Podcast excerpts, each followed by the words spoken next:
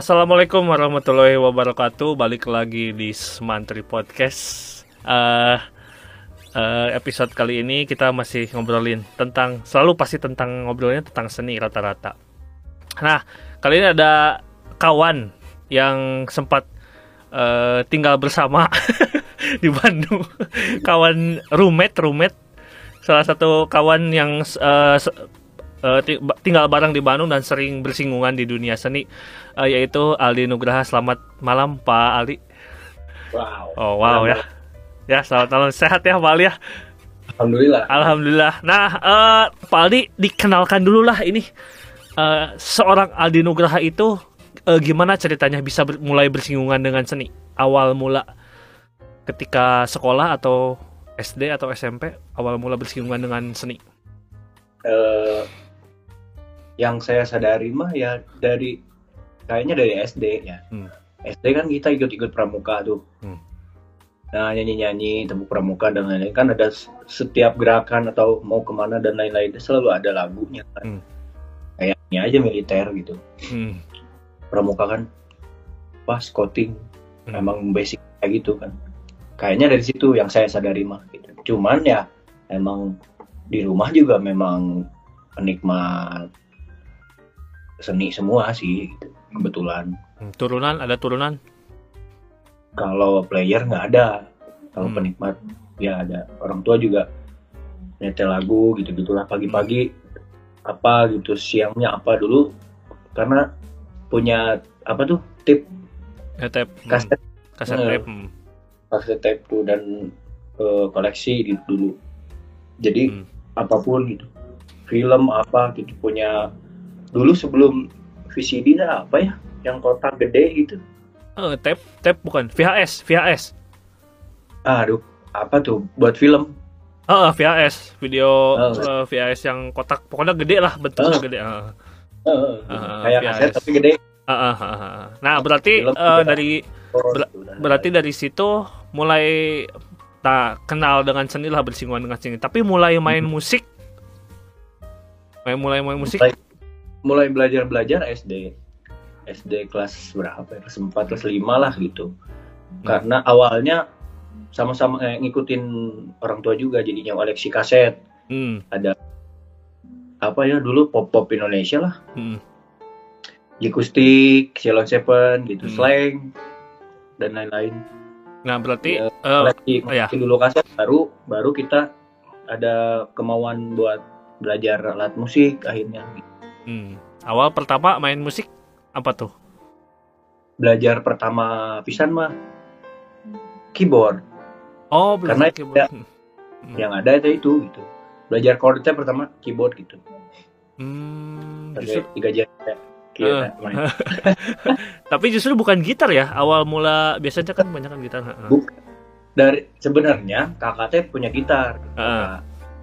Tapi uh, dia udah kuliah udah di luar kota gitu jadi hmm. si gitar teh selalu dibawa kalau hmm. pulang dia bawa kalau dia pulang teh saya belajar keburu apa tuh ya sakit tangan kiri teh hmm, mencet ya.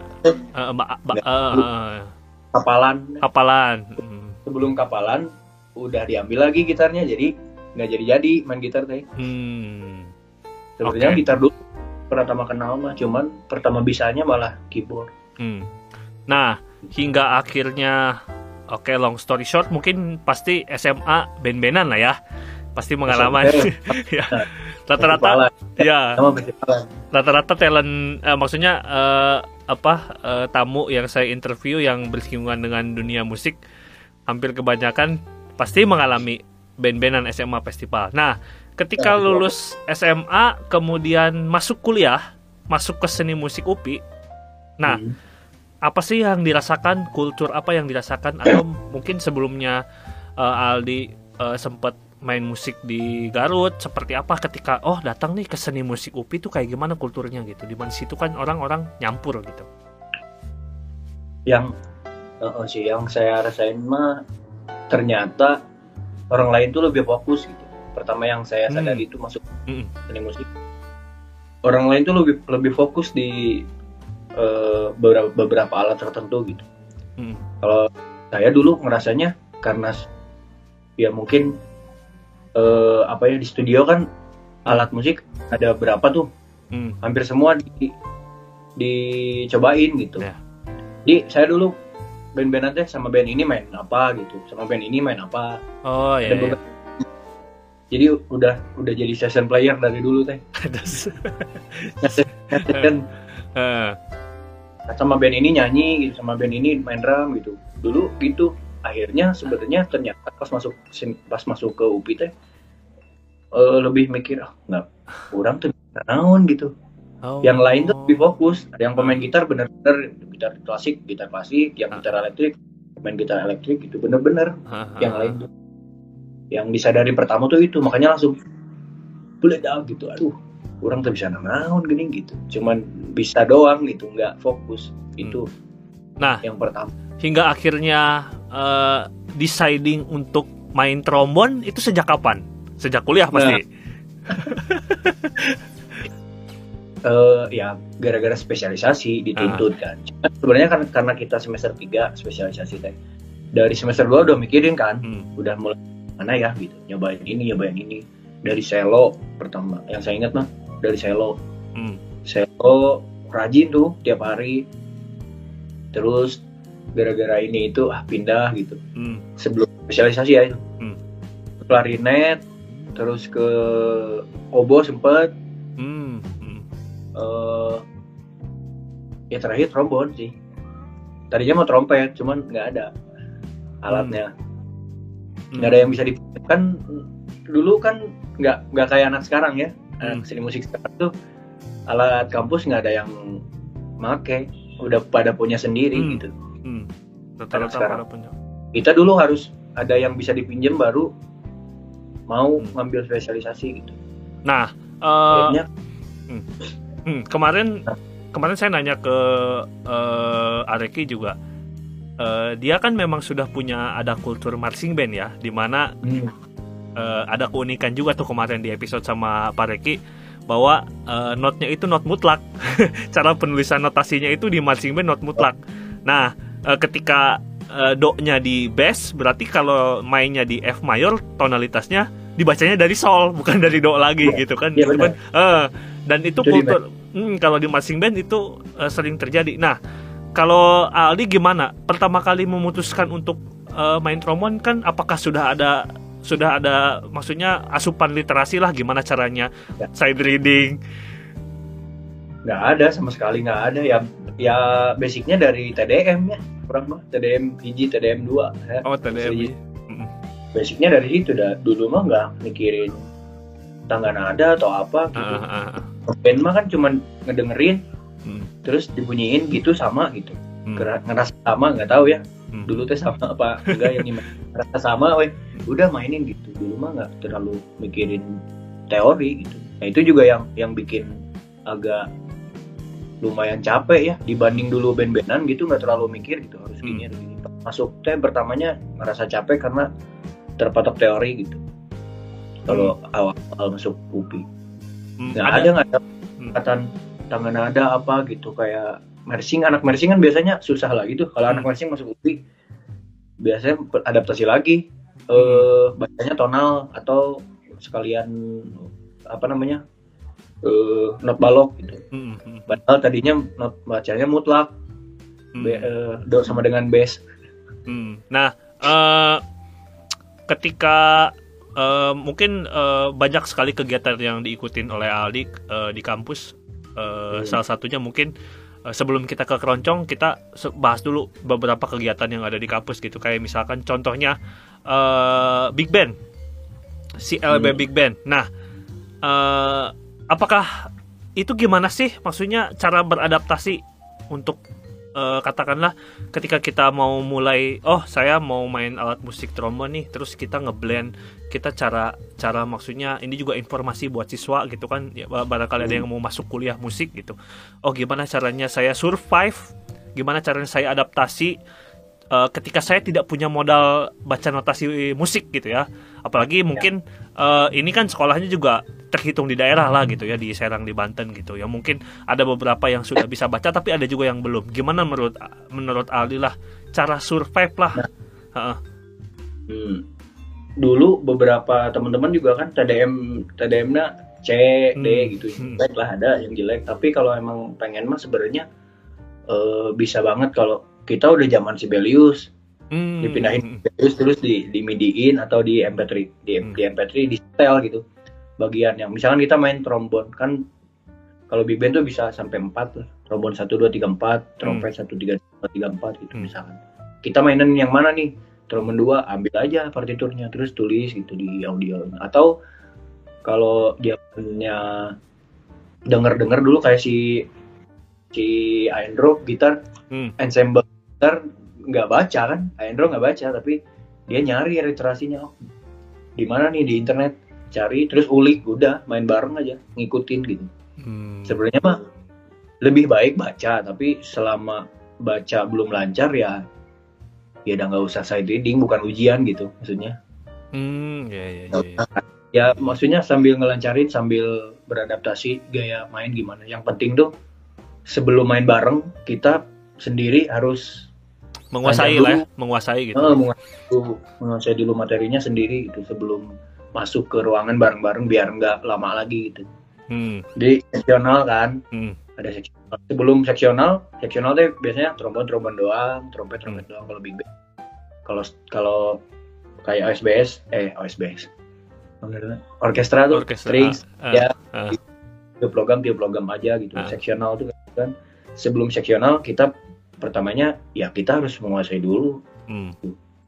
nah uh, kalau di big band spesifiknya di big band uh, contoh aransemen ketika ada beberapa alat musik yang sama kayak trombon satu dua tiga empat uh, itu uh, kalau di, pernah nggak sih Ali nganalisis gitu uh, pola pola aransemen trombon tuh di big band tuh kayak gimana karakternya gitu apakah trombon satu tuh uh, melodi utama tapi memang tetap uh, kembali lagi ke lagunya tapi uh, yeah. yang iya. sering didengar atau yang dominan lah gitu secara aransemen uh, big band secara umum apakah satu jadi melodi utama kemudian trombon dua tersnya apakah secara hmm. gitu atau atau unisono apa gimana rata-rata gitu sih rata-rata trombon satu tuh pasti melodi utama dan biasanya lebih tinggi dari dari trombon trombon yang lain trompet sama gitu cuman hmm. partisinya tetap misalkan lagu ini tuh di tengah-tengah uh, butuh butuh apa namanya butuh uh, mendayu-dayu misalnya hmm. pas di tengah tuh misalkan bagian prekorusnya mendayu bisa tuh yang membawa tuh jadinya saksofon tenor misalkan hmm, yeah. saksofon tenor satu jadi jadi melodi utama hmm. tiba-tiba di ref kenceng berarti biasanya trompet satu yang yang di depan gitu hmm. itu kan bagi bagiannya tetap kebagi gitu cuman ya tetap setiap yang satu tuh biasanya dia lebih di atas dari daripada lebih utama lah daripada yang yang lainnya gitu ngambil yang lebih tinggi lah gitunya range-nya biasanya lebih tinggi ya makanya biasanya pemainnya lah yang range-nya bisa niup lebih tinggi gitu. Hmm. Kan kita ada keterbatasan itu kan, apalagi pas belajar. Nah, awal-awal kayaknya megang empat dulu, megang tiga dulu gitu. Oh, sebelum akhirnya jadi uh, sebelum akhirnya jadi prinsipal lah gitu ya. Ah, nah, kayak gitu. Nah, gitu. Uh, hingga akhirnya kita ini mungkin kalau misalkan ngomongin trombon dan big band saja panjang banget gitu ya karena saya juga mungkin selalu banyak ada pertanyaan. Nah, kemudian hingga akhirnya tiba-tiba uh, yang yang yang saya tahu ya awal pertama kali saya lihat Ali teh Ali main selo bukan main trombon yang saya nggak tahu mah gitu uh, waktu itu lapis legit uh, uh, waktu itu saya ngelihat uh, uh, keroncong nah hingga akhirnya tiba-tiba uh, mungkin uh, katakanlah gitu uh, Ali juga salah satunya aktif lah di gitu di keroncong di lapis legit itu kayak gimana gimana awal mulanya dan kenapa main cello nah itu teh ke, sebuah ketidaksengajaan karena keroncong juga saya awam banget sebelum masuk ke UPI. Hmm. Cuman tahu keroncong teh keroncong protol kayaknya. Bondan. Karena band-bandan, karena kita kan kultur band-bandan ya, bukan yang dengerin lagu-lagu jadul atau apa gitu. Yeah. Nggak tahu Aljina, dulu nggak tahu Sundari Sukoco, nggak hmm. tahu dulu mah. Taunya malah keroncong protol karena hmm. dari si Bondan gitu. Hmm. Oh keroncong teh gini gitu padahal oh bukan ini mah cuma pengembangan aja gitu hmm. nah pas pas di UP itu sebuah kebetulan saya masuk uh, lapis lagi itu mulai di di jadi sempat vakum sebelumnya sebelum hmm. saya masuk saya masuk kebetulan senior senior yang alumni alumni juga mulai mengaktifkan lagi si si lapis legit itu uh, ke, terus kemudian dikasih kesempatan lah satu angkatan sok bikin grup satu gitu ya akhirnya karena saya dulu kan tadi cerita kan sempat belajar selo hmm. selo gesek gitu oh iya selo kayak sebenarnya nggak sengaja juga tapi hmm. kayaknya pelarian aja dari selo gesek ya udahlah selo keroncong gitu. Ternyata ya rumit juga karena sebenarnya pemain selo keroncong mah harusnya paham ritme kendangan sebenarnya kan. Hmm. di tradisi gitu. Ya. Saya kan awam juga di sini. Jadi sebenarnya itu mah ketidaksengajaan weh gitu. Oh. cuman ya ber sekarang main selo ternyata gitu. Nah seberapa seberapa menarik dan seberapa pentingnya fungsi selo di sebuah format ensemble keroncong hmm. hmm. Uh, fungsinya tuh ya sangat fungsional ya hmm. sangat memberikan warna yang berbeda teh sebenarnya bukan cuma capcuk hmm. tapi capcuk selo kan itu makanya hmm. nggak hmm. ada capcuk selo tuh nggak ada nggak keroncong kerasanya kan gitu hmm. bukannya menyampingkan yang lainnya kayak flute uh, biola bass gitu. Kadang-kadang kan flute sama biola juga bisa digantiin sama yang lain. Ada beberapa grup keroncong di Bandung juga. Yang legend tuh mer uh, keroncong merah putih dari dari mereka muda sekarang sampai tua tuh masih pemain depannya klarinet aja satu. Nggak ada nggak ada biola nggak ada flute gitu. Hmm. terus bass kadang-kadang uh, ada yang pakai angklung apa tuh? Angklung buhun Kalau yang gede. Oh yang gede ada. Oh. ada yang pakai ada macam-macam gitu. Tapi kayaknya cakcuk selo tuh nggak nggak boleh nggak boleh nggak ada gitu. Karena cak dan cuknya harus saut-sautan dan selo teh yang ngasih ritme kendangannya itu. Kalau kita main Jawaan ya kalau kita main soloan gitu. Mm-hmm. kayak gitu nah sangat menarik. nah, belajar juga dulu. Kok gini gitu? Katanya ngendang tapi tapi dia tengendang gitu. Ah gimana ya gitu? Hmm. akhirnya belajar dari hearing aja. Nah uh, kalau yang kalau yang Lutfi dengerin ya Ali kalau misalkan uh, lagu keroncong gitu. Karena uh, saya sendiri juga nggak terlalu banyak tahu wawasan tentang musik keroncong. Karena baru baru baru kenal baru ngedengerin. Nah kalau yang sering didengerin justru pola uh, keroncong Jawaan. Ya yang fungsinya seperti kendang. Nah ketika ngedenger keroncong tugu kok polanya nggak uh, tahu ya. Sesederhananya saya ngelihat gitar beda. Sederhananya ya. ngedengar keseluruhan musiknya juga beda. Itu kenapa? Dan gimana? Pola keroncong cello di keroncong tunggu tuh gimana itu? Sebetulnya si selo di keroncong tugu mah memperkuat low section aja sih. Soalnya kan kalau tugu tuh uh, secara ritmik teh strike banget kan. Nggak nggak nggak nggak nggak bukan nggak explore gimana ya? Emang on tempo gitu. Hmm. cerang cerung cerang cerung gitu. Gitu sebenarnya lebih ke uh, tanya jawabnya lebih ke uh, apa ya? Istilah istilah musiknya mah arsistesis. Hmm. ya kan? Gitu gitu doang gitu. Cuman ya mereka tuh lebih ini karena kan namanya juga ensemble namanya juga orkes. Hmm. jadi low ke high itu ada gitu nah si selote me, mengisi middle-nya itu loh. Kalau secara pola yang saya denger ya nggak beda jauh gitu. Sama sama pola yang lain maksudnya sama pola alat musik yang lain gitu. Nadanya juga nggak ke mana nggak ke mana gitu kan. Emang keroncong mah ya gitu. Tapi yang membedakan yang membedakan tugu sama Jawa sehingga beda banget secara fungsi musikal ya tadi arsistesis dan yang ini mulainya ngendang hmm. banget itu kenapa? Ya karena kalau Solo itu emang dekat dengan tradisi kita, hmm. ya Jawa Jawa Jawa Bali kan emang gamelan ya. Hmm. Ya kalau mereka tuh Eropa banget. Oh. Eropa. Cara lagu-lagu repertoarnya aja eh, lebih ke lagu jadul Belanda dan lain-lain gitu. Progresinya juga kan beda banget dengan kita. Nggak ada kalau di Tugu tuh nggak ada pakem, nggak ada langgam, nggak ada keroncong keroncong asli maksudnya ya. nggak ada tambul gitu ke sini ke sininya mereka nggak ngikut aja nggak adaptasi gitu bawain langgam tapi dengan gaya tugu gitu sejarahnya mah nggak ada mereka mah bebas bahkan ada statement dari teman-teman keroncong tubuh tuh bahwa semua lagu yang ada tuh bisa dikeroncongkan gitu semua lagu yang ada tuh adalah lagu keroncong gitu ada statement gitu. oh.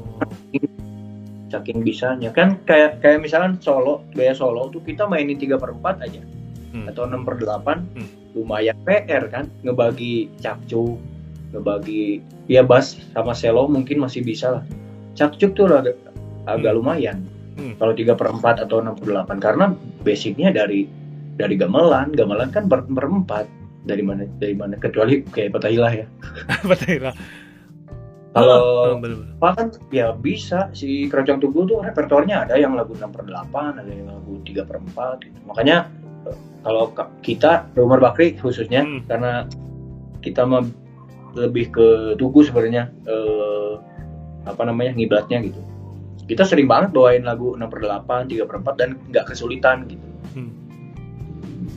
Hmm. bedanya itu. Hmm, nah, bedanya uh, berarti uh, saya juga ngalamin sih Ali pas kemarin lagu Juwita Malam nyobain. Nah, saya saya ngikutin aransemen uh, teman kita Orkes Keroncong Midale Dami. Nah, saya nyobain kan ada 6 per 8 di situ dipakai gitu. Hmm. Ketika saya nyoba ngajarin biasanya 4 per 4 gitu bengawan solo, umumnya loh kok jadi teng teng teng jadi polanya berubah itu juga jadi ya. jadi kerasanya uh, jadi kerasanya loh ini keroncong bukan ya? Jadi saya mempertanyakan diri sendiri. Jadi oh, kok jadi gini gitu? Akhirnya kan oh ternyata macam-macam banyak. Akhirnya sampai ngedengerin uh, apa keroncong tunggu juga yang kerasanya kayak musik country gitu ya. Kerasa ya, kayak jeng sereng sereng kan. Gypsy dekatnya ke situ. Kalau dikencengin tuh tuguan main tuguan dikencengin. Kayak ngerasa main gypsy gitu kita. Uh, tapi lain -lain. secara nah uh, secara secara alat secara organologi alat celonya itu sama nggak sama yang celo di nah, Solo? Celonya sama sama uh, apa namanya senarnya nilon sama-sama nilon dan sama-sama tiga senar juga. Hmm. Cuman tuningnya yang beda. Oh beda. Tuning si tugu tuh senar paling atas C. Jadi CGD sama kayak selo gesek kalau senar bawahnya G putus gitu. Oh. DGD. Kalau kalau Jawa kan DGD. Oh iya iya. Ternyata di pas main juga memudahkan. Kalau dijadiin DGD itu memudahkan untuk eh, pola-pola ngendang gitu. Hmm. Kalau main CGD itu susah, susah. Terus kebutuhannya lagi si selo keroncong tugu tuh kadang-kadang emang bassnya diambil maksudnya ketukan pertamanya tuh nabrak sama bass gitu oh. Kalau Jawa enggak. Nggak nggak goong. bass yang ngegoong itu enggak enggak nabrak sama goong gitu. Nggak boleh bahkan pernah pernah lah dulu dimarahin sama bapak-bapak Jawa gitu. Nggak boleh itu. Gitu gitulah. Oh iya juga sih. Kita bagilah gitu maksudnya. Nah, kalau secara umum uh, ada berapa banyak sih kultur? Nggak nggak berapa banyak maksudnya ada berapa ragam sih uh, kultur keroncong musik keroncong yang ada di Indonesia di beberapa tempat yang punya apa ya unik keunikan gitu kayak contoh tadi uh, so, apa Solo Jawaan gitu pola gaya pola, apa pola Solo pola Jawaan terus di keroncong Tugu terus ada nggak sih keroncong yang lain yang wah ternyata unik juga gitu Wah banyak sebenarnya. Kalau ngomongin soalnya dinam ya dinamis ya hmm. eh, seni mah. Sebenarnya banyak banget. Tingkilan kalau pernah denger tuh Kalimantan. Kita pernah bahkan si Umar Bakri itu ketemu langsung di Solo Kocok Festival. Hmm. Ada tingkilan oh mainnya kok gini gitu. Terus termasuk ada yang di si teman kita dari Media Dami si hmm. Denny hmm. skripsinya tentang gaya Jakartaan. Ada tuh beda lagi Jakartaan Oh beda lagi. Hmm. Uh, itu tuh perkembangan sebenarnya. Jadi teman-teman yang dulunya belajar keroncong dari keroncong Tugu hmm. di Kampung Tugu, tapi bukan orang Kampung Tugu gitu, di Kemayoran gitu, salah daerah Kemayoran dan mereka akhirnya hearing kan dari hearing aja ya nggak ada teori nggak ada apa. Yang mereka dengar gitu pas dimainin sama teman-teman yang lainnya beda lagi, jadilah uh, keroncong Jakartaan ada gaya Jakartaan beda lagi gitu. Terus dan masih banyak ditemukan gitu di Padang Panjang teh apa ya? Kemarin ada ada lagi gitu musik kayak gitu. Terus di Maluku ada. Hmm. di Maluku. Kalau secara ya makanya itu. Jadi se selama selama uh, mengenal keroncong sampai sekarang tuh jadi mikir ternyata keroncong mah dekat dengan kearifan lokal gitu. Hmm. Hmm. kearifan lokal ya di Jawa gini mungkin yang kayak yang kayak kita denger tuh Solo gitu.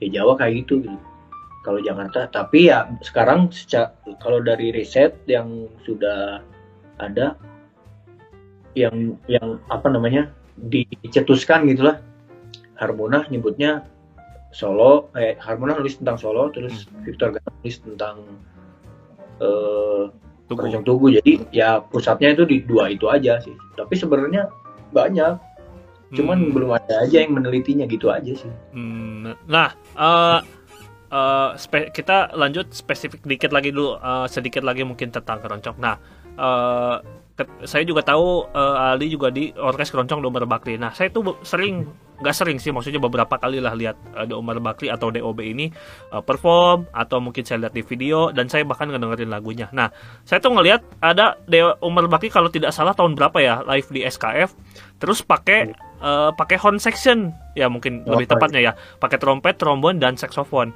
nah uh, itu kan format yang uh, saya secara orang umum kalau nggak dengar musik keroncong tuh jarang banget gitu ada horn section. Apa yang mau di apa sih yang mau disampaikan gitu oleh DOB gitu menampilkan keroncong dengan horn section tuh gimana? Sebetulnya itu teh kita dulu kebetulan dapat repertoar salah hmm. satu lagu tentang Bandung. Ya itu kota Bandung. Hmm. kota Bandung awalnya sih. Itu emang emang aslinya ada brass sectionnya tapi isinya tuh nggak nggak apa ya jauh lah. Isi-isian brass sectionnya lebih ke diksi country. Eh kok gini gitu? Tiba-tiba ada hmm. ada ada brass section di tengah terus udah gitu. Hmm. nah kita coba mainin dengan gaya kita aja gitu. Terus ternyata uh, eh, dapat dapat informasi lah tahun 20-an sampai tahun 30-an teh keroncong populer juga di Bandung. Oh. Populer di Bandung dan dulu sempat jadi tempat-tempat jadi tempat-tempat di pub atau apa tuh. Hmm. Musiknya keroncong dan emang se-explore itu ya namanya orang Bandung lah. Hmm. Orang Bandung mah selalu gitu. Nah, salah satunya adalah grup keroncong dengan dengan brass section tuh salah satunya ada yang pernah yang yang kita tahu uh, pas Kamar Ismail tuh, Kamar hmm. Ismail yang uh, pementasan, hmm. kita tahu bahwa ada grup kron, grup roncong atau ensemble namanya Live Java, ensemble Live Java, uh. yang yang salah salah satu personilnya adalah uh, Ismail Marzuki. Oh iya. Itu juga pernah bawain format keroncong dengan bentuk yang sama kayak Umar Bakri lakuin itu. Jadi sebenarnya Umar Bakri itu cuma cuman mengulang aja gitu. Uh, ya. mengulang aja gitu. Jadi kalau kalau sering banget ada yang bilang eh, keren nih keroncong pakai bahasa Yakin apa? Kita cuma mengulang aja. Dulu tuh banyak gitu. Hmm. di Bandung tuh banyak. Gitu. saya explore itu orang Bandung. Jadi kita hanya uh, pas kita bikin grup keroncong tuh kebanyakan di Bandung grup keroncong yang pakai kendang pakai suling gitu nyunda gitu ya. Hmm. nah kita pengen yang beda aja gitu kebetulan per persaingan juga ada kan pemain beras unggul dah si Reki, si Kijung hmm. gitu. Hmm. Uh, saya udah pernah ngobrol juga dengan Mas Dapik gitu ya uh, perihal tentang apa instrumentasi gitu ya format.